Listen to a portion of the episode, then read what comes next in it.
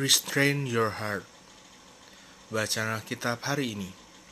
Amsal 4 ayat 23 sampai 24.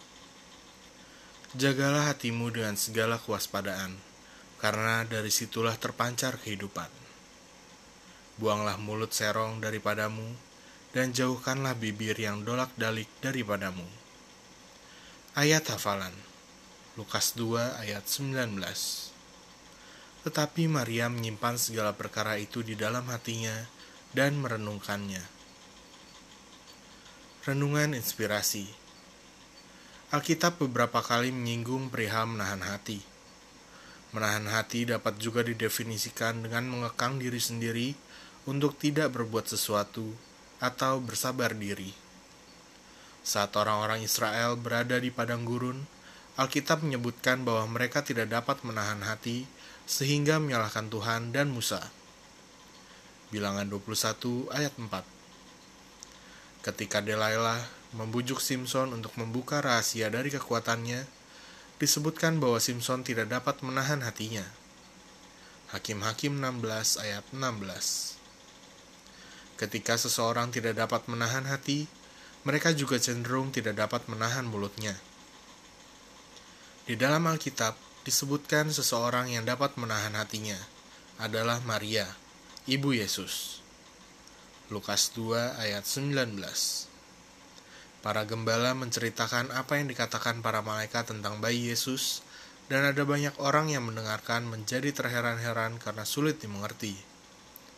Tetapi Maria menyimpan segala perkara itu di dalam hatinya dan merenungkannya.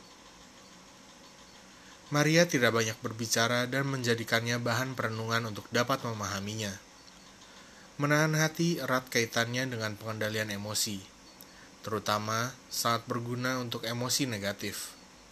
Berkaitan dengan ini, ada sebuah kisah klasik dari negeri tirai bambu. Dikisahkan ada tiga buah patung yang identik, namun ternyata ada perbedaan signifikan di antara ketiganya. Untuk melihat perbedaannya, Ketiga patung tersebut harus dimasukkan ke dalam air. Pada patung pertama, ditemukan lubang di kedua telinganya. Artinya, ada tipe orang yang tidak mendengarkan dengan serius. Pada patung kedua, lubang ditemukan di satu telinganya dan di mulutnya. Artinya, ada tipe orang yang begitu mendengar sesuatu, mulutnya langsung ikut bereaksi. Ini adalah tipe orang yang tidak dapat menahan hatinya. Kemudian patung ketiga hanya memiliki lubang pada satu telinganya. Artinya, ada orang yang mendengarkan dan dapat menahan hatinya, serta menyimpannya rapat-rapat untuk direnungkan. Mari pikirkan ini. Termasuk tipe yang manakah kita? Sudahkah kita memiliki penguasaan diri untuk menahan hati? Mari sebisa mungkin jadilah orang yang lihai menahan hati. Jangan cepat bereaksi Orang yang dapat menahan hatinya pasti lebih selektif dalam berkata dan memutuskan. Yang harus dilakukan ketika mendengar, melihat, dan mengalami sesuatu, jangan langsung bereaksi dan berkata-kata. Tahan hati Anda dan pilih untuk merenungkannya terlebih dahulu. Refleksi diri. Pertama, Apakah Anda orang yang dapat menahan hati? Pernahkah Anda tidak dapat menahan hati, lalu kemudian menyesal? Gua ulangi. Apakah Anda orang yang dapat menahan hati? Pernahkah Anda tidak dapat menahan hati, lalu kemudian menyesal?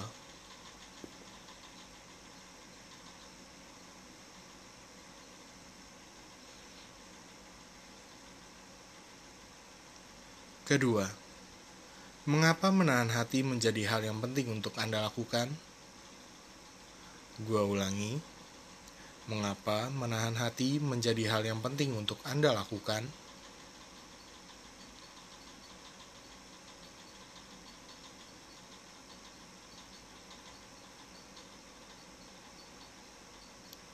Hikmat hari ini Orang yang dapat menahan hatinya tidak akan lekas gusar ketika menderita dan tidak lekas mengucapkan cinta ketika berbahagia.